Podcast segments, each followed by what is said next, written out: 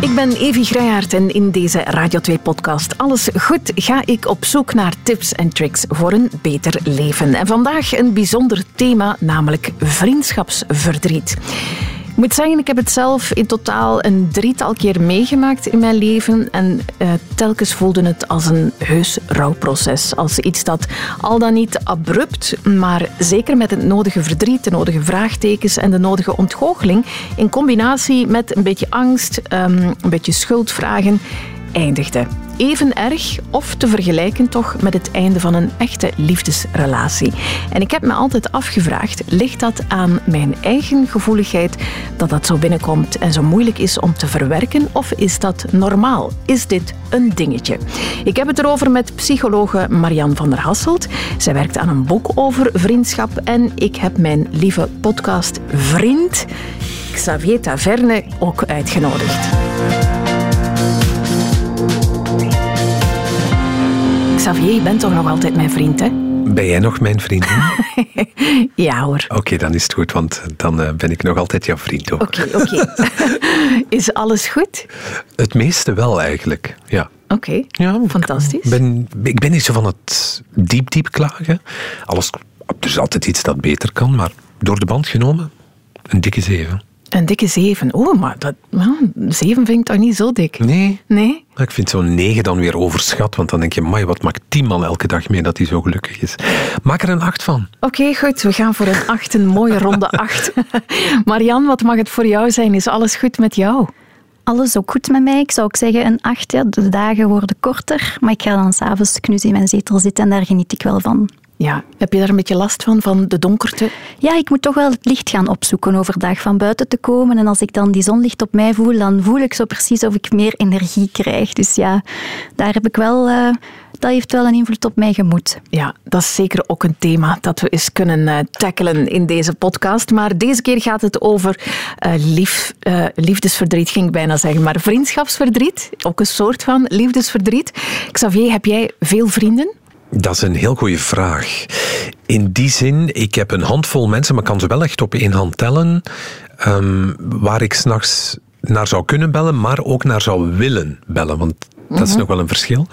Um, en dat is voor mij genoeg. Ja, oké. Okay. Um, ik vind meer ook te veel onderhoud. Ja. Nee, sorry, dat is, gewoon zo. Dat is echt, er is niks spontaan meer aan. Dan zit je de hele tijd maar af te spreken omdat het moet. Maar of je die persoon dan nog leuk vindt en of je er energie van krijgt en alle basisvragen die je over alles in je leven zou moeten stellen, die komen eigenlijk niet meer aan bod. Mhm. Dus een handvol vrienden waar ik echt op kan bouwen, denk ik. En wil bouwen ook. Ja, wat, wat is dat dan voor jou? Een, een goede vriend of goede vriendin?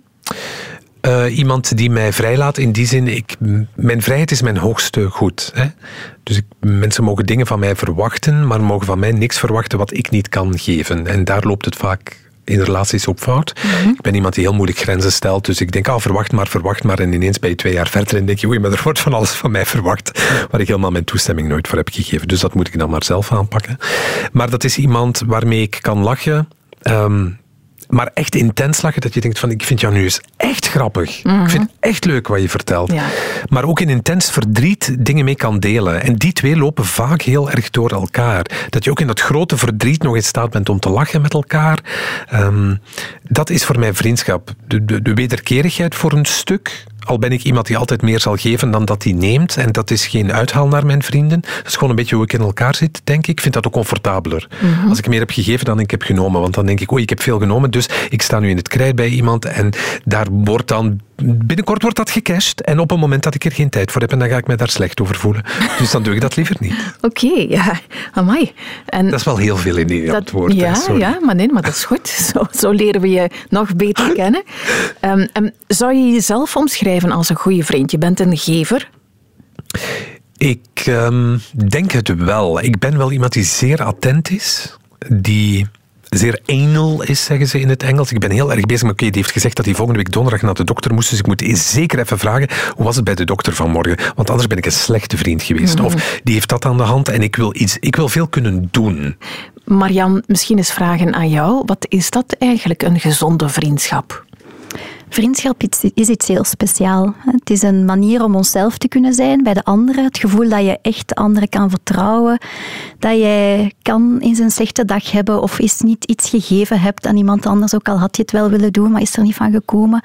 En dat het altijd wel voor jou goed gaat voelen. Hè? Die, het vertrouwen dat je eerlijk kan zijn ook. Soms dat je kwetsbaar kan opstellen, dat je ja, emoties kan delen.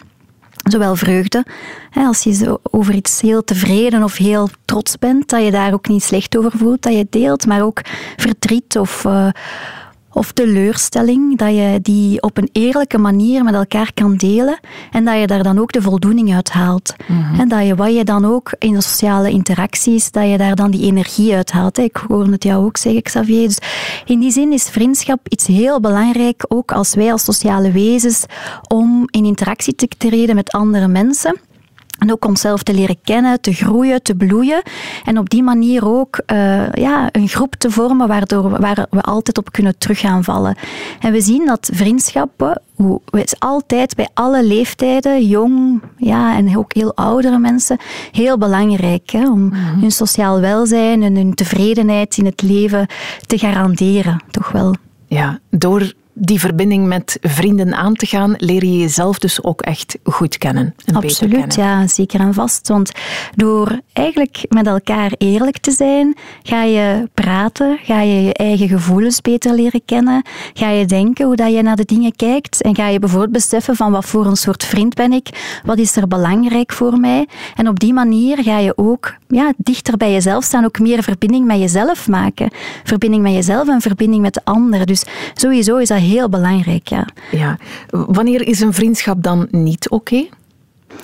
Nu, er zijn verschillende soorten van mensen natuurlijk, hè, afhankelijk van onze hechting die we hebben met de anderen, of allee, de hechting die wij hebben.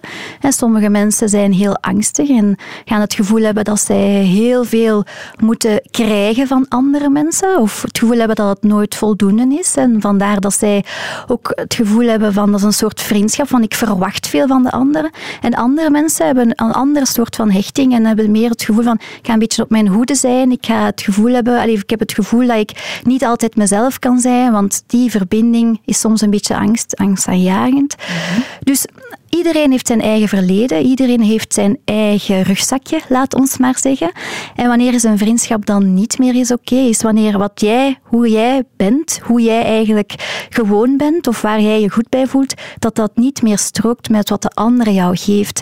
En dat kan zijn dat dat doorheen de tijd al ja, kan veranderen dat je vroeger het wel goed vond, bijvoorbeeld, als iemand meer afstand nam als hij stress had, of dat iemand juist heel, ja, laat ons zeggen, veel contact nam en heel veel berichtjes stuurde of jou heel veel uitnodigde, dat dat vroeger wel oké was, maar dat doorheen de tijd dat jou, ja, jouw verwachtingen en waar je je goed bij voelt, dat dat verandert. En dan kan een vriendschap eigenlijk minder goed aanvoelen en kan het ook een moment zijn om te zeggen en te reflecteren, ja, van is dat nog wel een vriendschapsband voor mij en is dat nog wel de moeite waard om mijn energie daarin te steken? Dat is natuurlijk van het lastigste dat er is. Als ik dan kijk naar mezelf en Xavier, ik zie jou ook knikken en Marian, ik zie toch ook enige vorm van herkenning bij jou. Dat is lastig, hè? We all have that one friend waarvan we ons afvragen, wat doet hij in godsnaam nog in ons leven? Ja. Maar die we voor een stukje, en dat heeft als ik dan even kijk naar mijn eigen leven, vaak historisch sleep je soms mensen mee uit een vriendschaps kliek van de middelbare school of van de hogeschool, waarin je een aantal mensen heel erg prettig vindt, maar iemand dan ook weer niet en die is er dan altijd bij. En dan, ja, het is ook. En soms vind ik de reden waarom ook stom om te zeggen van ja, ik vind als je dat doet, vind ik eigenlijk niet leuk en daarom vind ik jou niet leuk. Dus het voelt soms ook futiel bijna om het te benoemen. Ja, of, of soms denk je ook van, ik heb nu toch al heel veel hints gegeven en ik, allee, je ziet dat toch aan mij. Maar work with me. Het, het moet dan ook wel van twee kanten kunnen komen natuurlijk. Dat is waarschijnlijk omdat jouw brein dan anders werkt dan de, het brein van degene bij wie de tips binnenkomen. Die denkt, ah, maar die moet gewoon zeven keer per kwartier naar het toilet. of die heeft al drie uur geen dorst meer op café. Wat vreemd. Ja, ja. Maar niet, oei, die wil van Maar dat is natuurlijk wel bij vriendschap, dat is de nagel op de kop natuurlijk. Hè. De breinen moeten op dezelfde manier gaan werken. En je moet elkaar aanvoelen en je moet echt het gevoel hebben dat je die letterlijke en figuurlijke verbinding hebt. En bij sommige mensen heb je dat minder. En dan, ja, soms wordt het niet opgepikt. En dan ja, is het ofwel, ga je ermee verder en is het een soort gewoonte en is het iemand die er sowieso bij hoort, maar waar jij minder die connectie mee hebt. Of je gaat wel echt een eerlijk gesprek aan op een ja, respectvolle manier op een manier waarvoor, waar jij het goed bij voelt en dat je bepaalde een boodschap wilt gaan geven, om aan te geven wat er voor jou moet of kan veranderen om, zodat jij daar weer de energie zal uithalen. En dat zijn hele moeilijke gesprekken. Want zoals je zegt, Evie, je moet ook voor jezelf beseffen, wat doet dat met mij? En haal ik daar nog de energie uit? En zal ik eens even afstand nemen van deze vriendschapsrelatie? En in plaats van, ja, het, het, het, zoals het altijd al gelopen is, die persoon komt altijd mee, of ik vraag die altijd wel mee om ergens naartoe te gaan. Maar het kost mij eigenlijk veel energie. En achteraf heb ik het gevoel dat ik nog iemand anders moet gaan bellen om terug die energie te gaan halen om daar weer mee verder te kunnen. Dus ja, het vraagt wel, wel een zekere bewustwording, maar ook een ja, soort een beetje liefde naar die andere persoon ook om het, met die persoon een gesprek aan te gaan, om het eerlijk ook te gaan bespreken, want dat is niet gemakkelijk. Voilà, het is eigenlijk uh, vanuit liefde dat je dat doet. Hè. Zo zeg je het heel mooi, vind ik, Marian. Maar meestal, um, als ik dan naar mijn eigen ervaringen kijk, dat wordt niet, helemaal niet in dank aangenomen, of afgenomen liever. Um, dat, dat wordt als een aanval uh, gezien. En wat, wat denkt jij wel? Of wie, wie denkt jij wel dat je zijt? Of... Ik kan alleen maar bevestigend knikken, want in onze maatschappij vind ik dat er vooral gekeken wordt naar hoe mensen zich voelen binnen een romantische relatie, hè, je liefdespartner.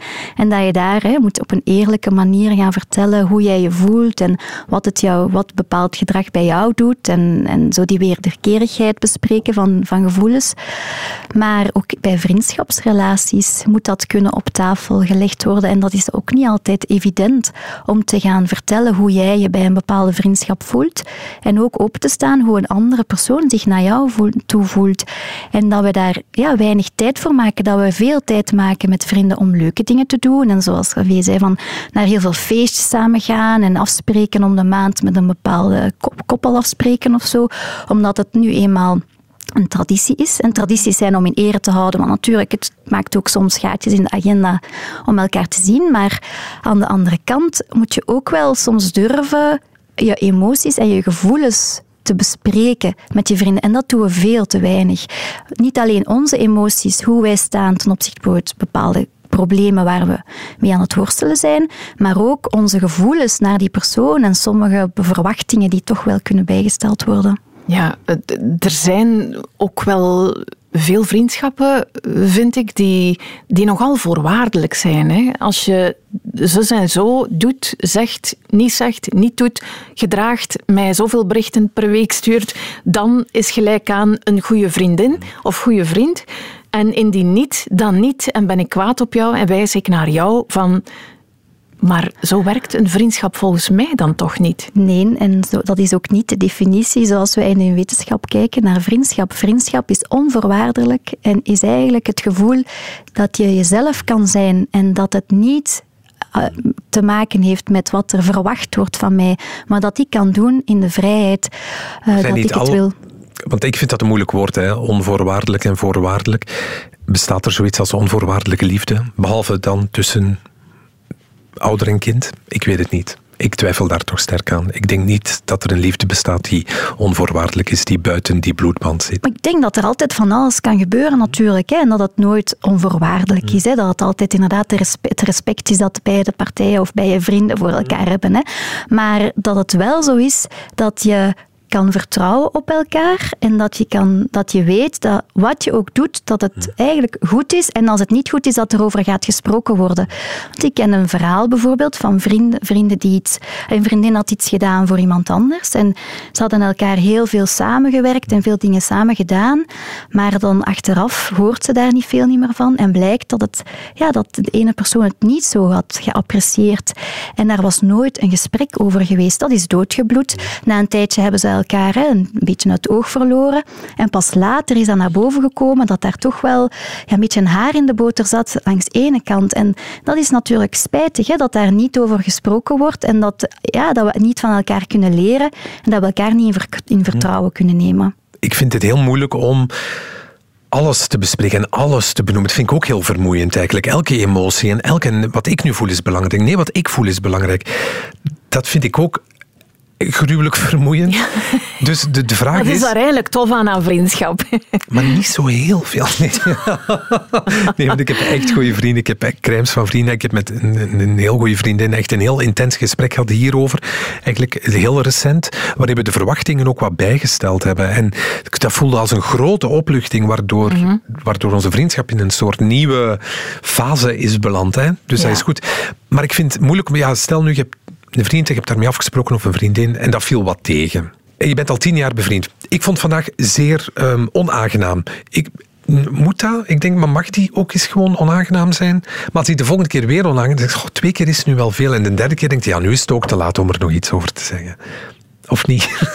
ja, wanneer moet je iets verwoorden, uitspreken, um, zodanig dat je het niet te vroeg doet, maar ook weer niet te laat, om geen patroon in gang te steken? Ja, vriendschap is de beste buffer tegen stress. Dus we weten, als je een goede vriendschapsrelatie hebt met iemand, als je daar goed mee overeenkomt, dan gaat het je helpen om ja, veerkrachtig door het leven te gaan. Maar als een vriendschap jou meer stress bezorgt, bij wijze van spreken, gepieker, nadenken, dat je het, het gevoel hebt dat je er meer ja, moet aan geven dan dat het jou geeft, dan denk ik dat je daarop ja, termijn wel iets ja, van kan gaan zeggen aan die persoon. En ik ga wel akkoord met het feit dat wij heel veel aan het focussen zijn op onszelf en op onze eigen gevoelens en wat dat met ons doet. We zijn, de me-time wordt mhm. zo nu echt uh, een beetje gepromoot, maar ja, wij zeggen vaak in de wetenschap, ja, het is een me-time, maar wat even belangrijk is, het is de we-time. Spendeer veel tijd met de mensen die jij aangenaam vindt, waar dat je jezelf kan zijn, waar je energie uithaalt. En je gaat zien, je gaat automatisch ook beter met je eigen problemen om kunnen gaan, met de problemen rondom jou. En door zo, zo te geven en vriendschap te geven, krijg je evenveel terug. En wanneer, ja, als het dan eens een paar keer minder goed gaat of zo, denk ik ook niet dat je daar direct al het gesprek moet aan, aan gaan. Maar wel als het op termijn voelt dat het jou leegzuigt. Natuurlijk moet het er je bewust van zijn, want soms is iets een geworden. Maar probeer daar toch wel alert voor te zijn en daar ja, op een open en eerlijke en respectvolle manier met over te communiceren. Want wat je daar zegt, vind ik wel iets heel mooi we leven in een tijd waarin er zoveel nadruk wordt gelegd. Ja, de samenlevingen moeten samenleven en dat gemeenschapsgevoel. En kan je niet eens wat meer voor een ander doen? En, en dat wordt ons toch heel erg aangepraat, dat we meer moeten zorgen voor elkaar. Maar tegelijk ligt er ook een grote focus op je hoogste individuele emotie is zeer belangrijk. Dus je moet dat ten allen tijde uiten. Jij moet overal jezelf kunnen zijn. Ik vind dat een beetje onzin. Ik vind dat je je ook voor een stuk moet plooien naar wat er maatschappelijk met elkaar is afgesproken. En als je vindt dat daar geen plaats is voor jou, dan moet je je misschien niet meer altijd op die plek begeven. Hè? Maar dat is wel een grote uh, discrepantie op dit moment in onze samenleving. De roep enerzijds om samen te horen en samen te leven en veel voor elkaar te doen, maar tegelijk ook vinden dat je wat jij voelt ook het allerbelangrijkste is. En als een ander dat niet vindt, dat je dan meteen de hakken in het zand zet ik vind dat iets heel moeilijk om mee om te gaan. En dus trek ik daar dan liever ook mijn handen soms wat vanaf. Ja, wat mijn uh, bescheiden mening daarin is, is dat je je eerst en vooral heel erg bewust moet zijn van jezelf. Hoe je in elkaar zit, hoe je werkt, hoe je minder goed werkt, wat je energie geeft, wat niet. Um, je, je eigen flaws ook durven zien. Hè? Uh, niet alleen altijd naar de andere wijzen van, ja, maar omdat jij niet zus of zo, voel ik mij dit of dat.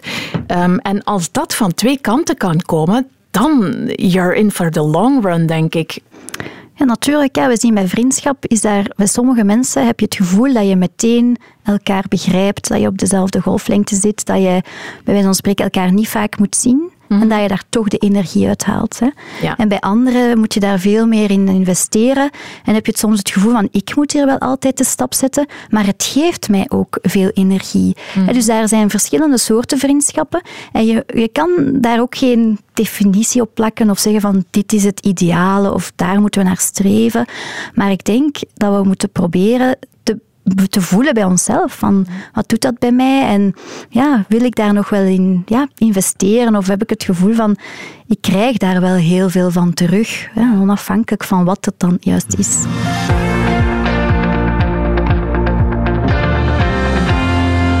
Wat, wat ook heel mooi was, vond ik, Marian, wat je aangaf, was ehm, dat mensen ook veranderen hè, doorheen hun leven.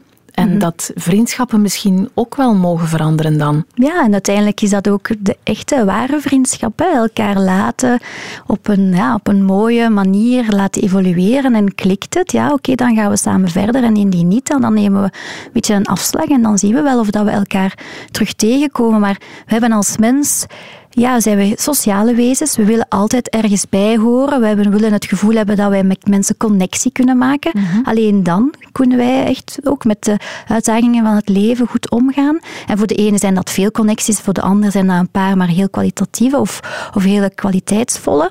Maar we hebben ook als mens een ja, heel alert we noemen dat een neuraal alarmsysteem. Dat zeggen, wanneer dat wij het gevoel hebben dat iemand kritisch is ten opzichte van onszelf. We hebben dat trouwens ook van ons eigen, als we kritisch zijn van onszelf. Maar als we mensen rondom hem, ons hebben die zeggen van ja, ik had eigenlijk liever dat je meer had ge-sms'd of ik heb het gevoel dat jij wat jij doet, dat dat niet echt zo op een, ja, dat, dat je het op een andere manier moet doen. Mhm. Wij zijn daar als persoon heel alert voor. Waarom? Omdat wij juist die verbinding altijd willen maken met anderen. En als daar ergens een beetje die kritiek is, dan gaan we daar direct met ons brein op reageren en gaan we daar actie voor ondernemen. Vandaar, bij echte vriendschap gaat dat neuraal alarmsysteem niet echt af. Dat gaat niet af, want we voelen ons op ons gemak en we voelen ons goed bij de anderen. Mhm. Je mag zijn wie je bent. Maar bij mensen die je niet ja, appreciëren of die iets anders van jou verwachten, of wat je soms zelf jij het gevoel hebt dat ze iets anders verwachten, hè, dat is soms ook je eigen gevoel, hè, dan gaan die jouw, jouw gevoelspritten wel afgaan en gaat dat systeem geactiveerd worden waardoor dat mensen wat meer op hun ongemak zijn, minder ontspannen zijn, waardoor dat er op termijn ook minder die band zal, zal komen. En dat je zegt, bij sommige mensen verwatert dat dan. Ja, ja, daar had je het ook al over. Hè, dat, uh, we weten eigenlijk niet goed hoe we daarmee moeten omgaan. Hè, met een vriendschap die wat stroef loopt of waar er een strubbeling is en uh, waarbij je heel ongemakkelijk voelt. Mijn neiging is dan retrieve, retrieve. Ik kruip in mijn schelp en uh, ik ben bang om eruit te komen. Ik heb in, in, in de, de laatste keer dat een vriendschap fout is afgelopen of stroef is geëindigd, um, wel het gesprek proberen aangaan, maar um, ja, dat, dat viel een beetje, hoe zeggen ze dat? Op de koude grond. Ja. Wat doe je dan? Ja, het enige wat je kan doen is doen waar dat jij, wat voor jou juist voelt. En dat kan zijn een soort officieel ja, break-up gesprek, bij wijze van spreken. Mhm. Maar dan, kan jij het, dan heb jij het van, voor mij was het belangrijk van dit af te ronden en dan van verder te gaan. Maar bij heel vaak gaan vriendschappen gewoon doodbloeden mhm. en ja, gewoon elkaar niet meer bellen. En dan weten we niet echt wat er de reden is, wat er precies gebeurd is. En dan zijn er allerlei assumpties die de twee kanten gaan aannemen. En op den duur zit je met twee verhalen die wellicht voor geen meter kloppen, maar die wel als een soort schild gebruikt worden. En dan voel je de awkwardness hangen als je elkaar passeert of toevallig tegenkomt. Of... Hey. Ja. Hallo. Ja, um, we, we zijn een beetje ongeletterd op dat vlak, hè? Ja, zeker in onze taal, in onze Nederlandse taal, wordt daar weinig aan besteed. Ik vond dat ook opmerkelijk om dat te beseffen. Dat er veel, ja, veel aandacht besteed wordt aan de taal binnen een romantische relatie. En ook veel liedjes gaan daarover, heel veel platen gaan daarover. Volledige platen, maar als het gaat over verdriet van een vriendschap of een break-up mhm. van een vriendschap, dan wordt daar eigenlijk in onze Nederlandse taal weinig, er worden weinig woorden aan besteed. Ja. Het vriendschapsverdriet is eigenlijk het enige woord wat ik echt heb ben tegengekomen, maar dat toch ook nog niet zo vaak gebruikt wordt. Maar het is, eigenlijk is het ook liefdesverdriet. Het is geen... Het is rouw. het is geen seksuele, passionele relatie, maar het is inderdaad rouw. Als ik in mijn vriendschappen soms tegen, als we tegen een muur aanlopen en dan hoor je iemand een twee, drietal weken, dan zit ik gewoon ook niet lekker in mijn vel. Mhm. Dan denk je, ah, er mist iets of ik ontbreek iets. Of, ja. En dan de opluchting als je elkaar weer gesproken hebt en dat de lucht geklaard is, mhm. is dan wel heel prettig. En dan denk je, mai, dat zijn de momenten waarop ik wel besef van, oeh, ik heb echt wel mensen nodig. Ja, ja, ja, ja. Uh, ik kan niet alleen, ik moet echt in connectie staan met mensen die mij het gevoel geven dat ik mag zijn wie ik ben. Mhm. Ja, en opnieuw door die, die ja, aandacht te geven aan die romantische relaties. We kunnen niet alles van bij onze partners halen. Het is niet dat die alles aan ons kan geven, maar we hebben nee. vrienden. dat is een andere aflevering. Nee, maar dat is, sorry dat ik je onderbreek, maar dat is wel iets wat ik herken. Als ik, in, als ik heel kwaad ben op mijn lief, dan bel ik eerst naar een vriendin die en ik heb zo twee vriendinnen. De een zegt, oh maar ja, Xavier, je hebt 100% gelijk. Wat een klootzak. En ik heb de andere vriendin zegt, maar probeer het nu ook eens vanuit zijn standpunt te bekijken. Dus afhankelijk van hoe ik zelf ben, dat ik eerst even gelijk wil krijgen voor ik bereid ben om de andere kant te zien. Dus zij halen wel de ruwe kanten ervan af, waardoor ik wel in staat ben om met mijn lief het volwassen gesprek te hebben. In mhm. plaats van met deuren te slaan. Dus daar dienen ze ook voor die vrienden. Sorry, ik heb u onderbroken. Ja, maar dat is een supermooi voorbeeld dat het inderdaad zo is. Hè, dat, we, dat er veel aandacht wordt besteed aan die romantische relaties, maar dat die niet alles geven. En dat we onze vrienden nodig hebben om met al die uitdagingen om te gaan en dan zo terug verder te kunnen gaan op een veerkrachtige manier, absoluut. Ja, want mijn lief is zo wat laagsensitief, noem ik het dan altijd als grapje. Het is een hele lieve mens, maar die ziet heel veel dingen niet waarvan ik denk, hallo. Ja. Ehm, maar dat is ook goed, omdat dat in lange termijn en in onze liefdesrelatie wel werkt. Ik heb niet iemand nodig die evenveel prikkels inneemt per dag, want dan liggen we s'avonds al twee suf in de zetel. Um, Ze noemen dat complementair. Hè? Voilà, wij vullen elkaar goed aan. En dus die vrienden doen dat dan wel voor mij, dus in die zin.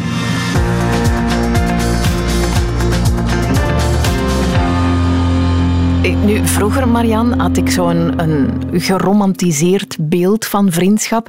En ik heb altijd, of ik heb heel lang zo precies zitten wachten op die ene heel complete hartsvriendin. Ik wou echt... Je las dat overal in de, in de stripverhaaltjes, in de sprookjes, in de boekjes, uh, in artikels. En ik dacht, maar ik, ik heb geen hartsvriendin, dus what's wrong with me? Ben ik niet leuk genoeg? Ben ik niet tof genoeg? Ben ik niet empathisch genoeg? What's wrong with me? Uh, en ik heb ze misschien nog altijd niet. Zo die, die ene vriendin die alles invult. Maar ik heb wel zo, zo deelvriendinnen.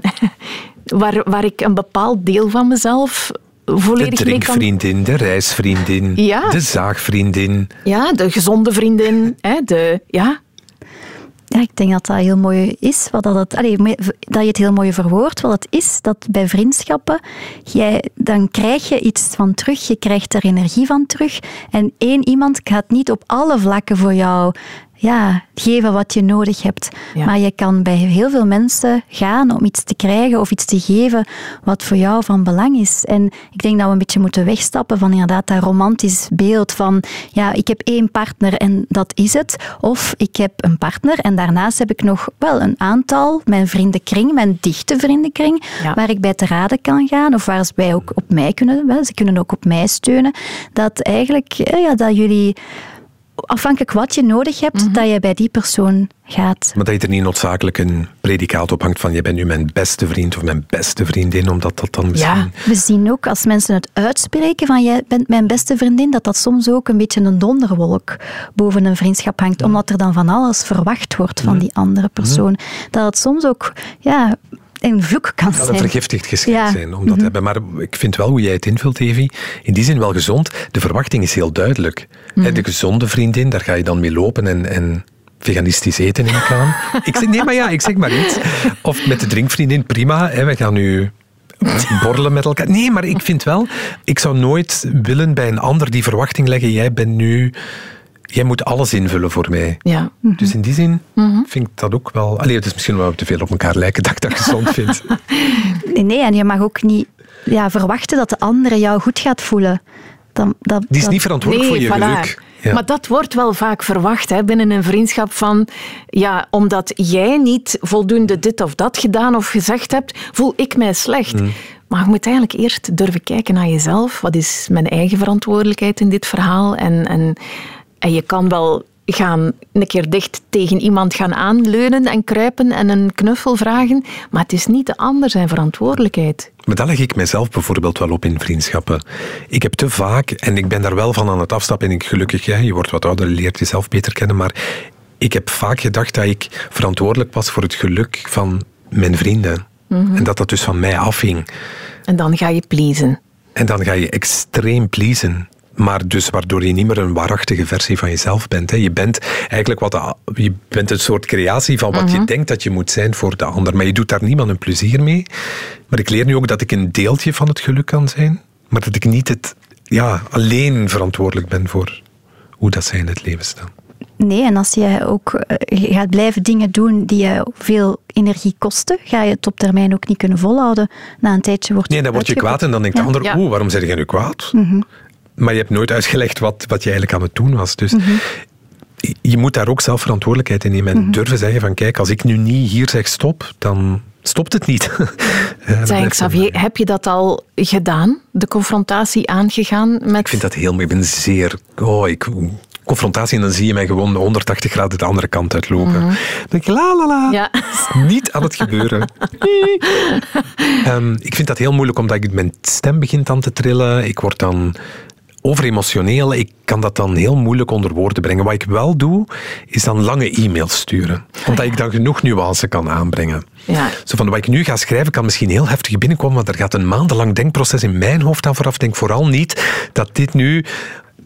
Maar ik wil dat dan allemaal gezegd kunnen hebben. En vaak is dat, kan dat wel het begin zijn van een gesprek daarna. Ja. Maar zo rechtstreeks in een gesprek, ik hou mezelf heel moeilijk staande, omdat ik dan ook weer te veel Empathie toon. ja, te veel. 100% gelijk, sorry. Ja. Ja. nee, dat had ik niet gezien, sorry. Ah, en dan wil ik zo slaan op mezelf en dan denken, oké, maar we zijn, ja, het is goed, je hebt gelijk. Ik niet. Ongezond, hè, ik weet het. Ja. Nee, dat is een, een, een gevoel van controle dat je hebt. Hè. Als je de mail schrijft, dan weet je dat je de nuance kan leggen. Dat helpt Xavier, voor ik heb het ook. ik doe het ook zo. Als, ik, ja, als, ik een, als er ruzie is, of er- dan moet ik mijn hoofd ordenen. Ja. Dan gaat er zodanig veel door mijn hoofd dat ik denk, ja, ik ga dat niet Mhm. gestructureerd kunnen uitleggen. En ik ga inderdaad weer te rap empathisch zijn en zeggen, ja, nee, je hebt gelijk, ja, het is waar.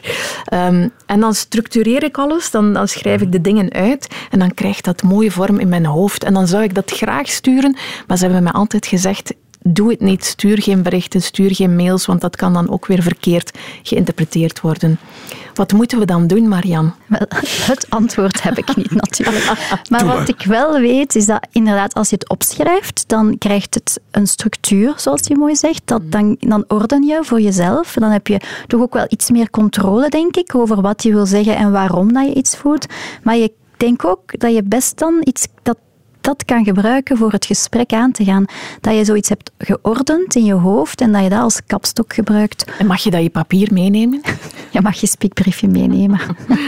Want het is eigenlijk ook om het op een respectvolle manier te kunnen doen. Hè? En dat je, Absoluut, iedereen ja. heeft zijn emoties. Als we heel emotioneel zijn, kunnen we vaak minder helder nadenken. Dat is gewoon Mhm. hoe ons brein werkt. Mag ik nog even vragen, Marian, wat er eigenlijk lichamelijk gebeurt wanneer er eh, vriendschapsverdriet en rouw is? Maar we zien in de hersenen dat als mensen fysiek, eh, we noemen het sociale pijn hebben, dus als er ja, een soort break-up is of als je kritiek hebt gekregen, dat er dan een systeem geactiveerd wordt dat hetzelfde is als fysieke pijn. Dus als je pijn hebt, echt letterlijke pijn, dat dan hetzelfde in de hersenen gebeurt als als je sociale pijn hebt. Dus wat gebeurt er? Een systeem dat ons helpt om energie te geven, energie te geven om te gaan reageren, is het vechten, vluchten of te bevriezen, dat we dat gebruiken bij een break-up. Dus wanneer dat we liefdes- of vriendschapsverdriet hebben, dat dat gelijkaardig is als, als fysieke pijn. Marian, jij werkt aan een boek over vriendschap. Kan je daar al iets meer over vertellen? Wel, ik vind de kracht van vriendschap enorm sterk. We zien dat het mensen heel veel ja, kracht kan geven. Het kan hen door heel moeilijke fases brengen. En het doet niet alleen iets biologisch, maar ook iets psychologisch bij ons. En ik wil daar heel graag uh, ja, de mensen, of de, laat ons zeggen, meer over laten weten. Oké, ik uh, ben heel benieuwd en ik kijk er alvast naar uit. Ik zie Xavier ook uh, bevestigend knikken. Um, in ieder geval, um, Xavier en Marianne, ik ben blij dat we op het uh, einde van deze podcast in alle vriendschap uiteen kunnen gaan. Xavier, ik denk het toch, want ik zie jou nog niet met jouw notities op je gsm bezig. willen jullie nog eens met mij opnieuw afspreken voor een nieuwe aflevering? Dat zullen we nog zien. Nee, nee. Oh, oh, nee, het hangt er. Voor mij zeker en vast. Ah, wel, Het is wel heel mooi. Voor mij wel. Ja, ja. Voor mij ook absoluut. Sorry. Oef, voilà. Uh, ik kan niet beloven dat ik jullie tussendoor veel ga bellen. Uh, maar zoals het een echte vriendschap betaamt. Hoeft geen dat nieuws. Niet? Nee, voilà. Geen nieuws is goed nieuws. En uh, kwaliteit boven kwantiteit. Merci om hier te zijn. En ook op het einde van deze podcast is nog steeds niet alles goed. Maar kom, ik durf te geloven dat het weer een ietsje beter is geworden door het taboe rond vriendschapsverdriet te doorbreken.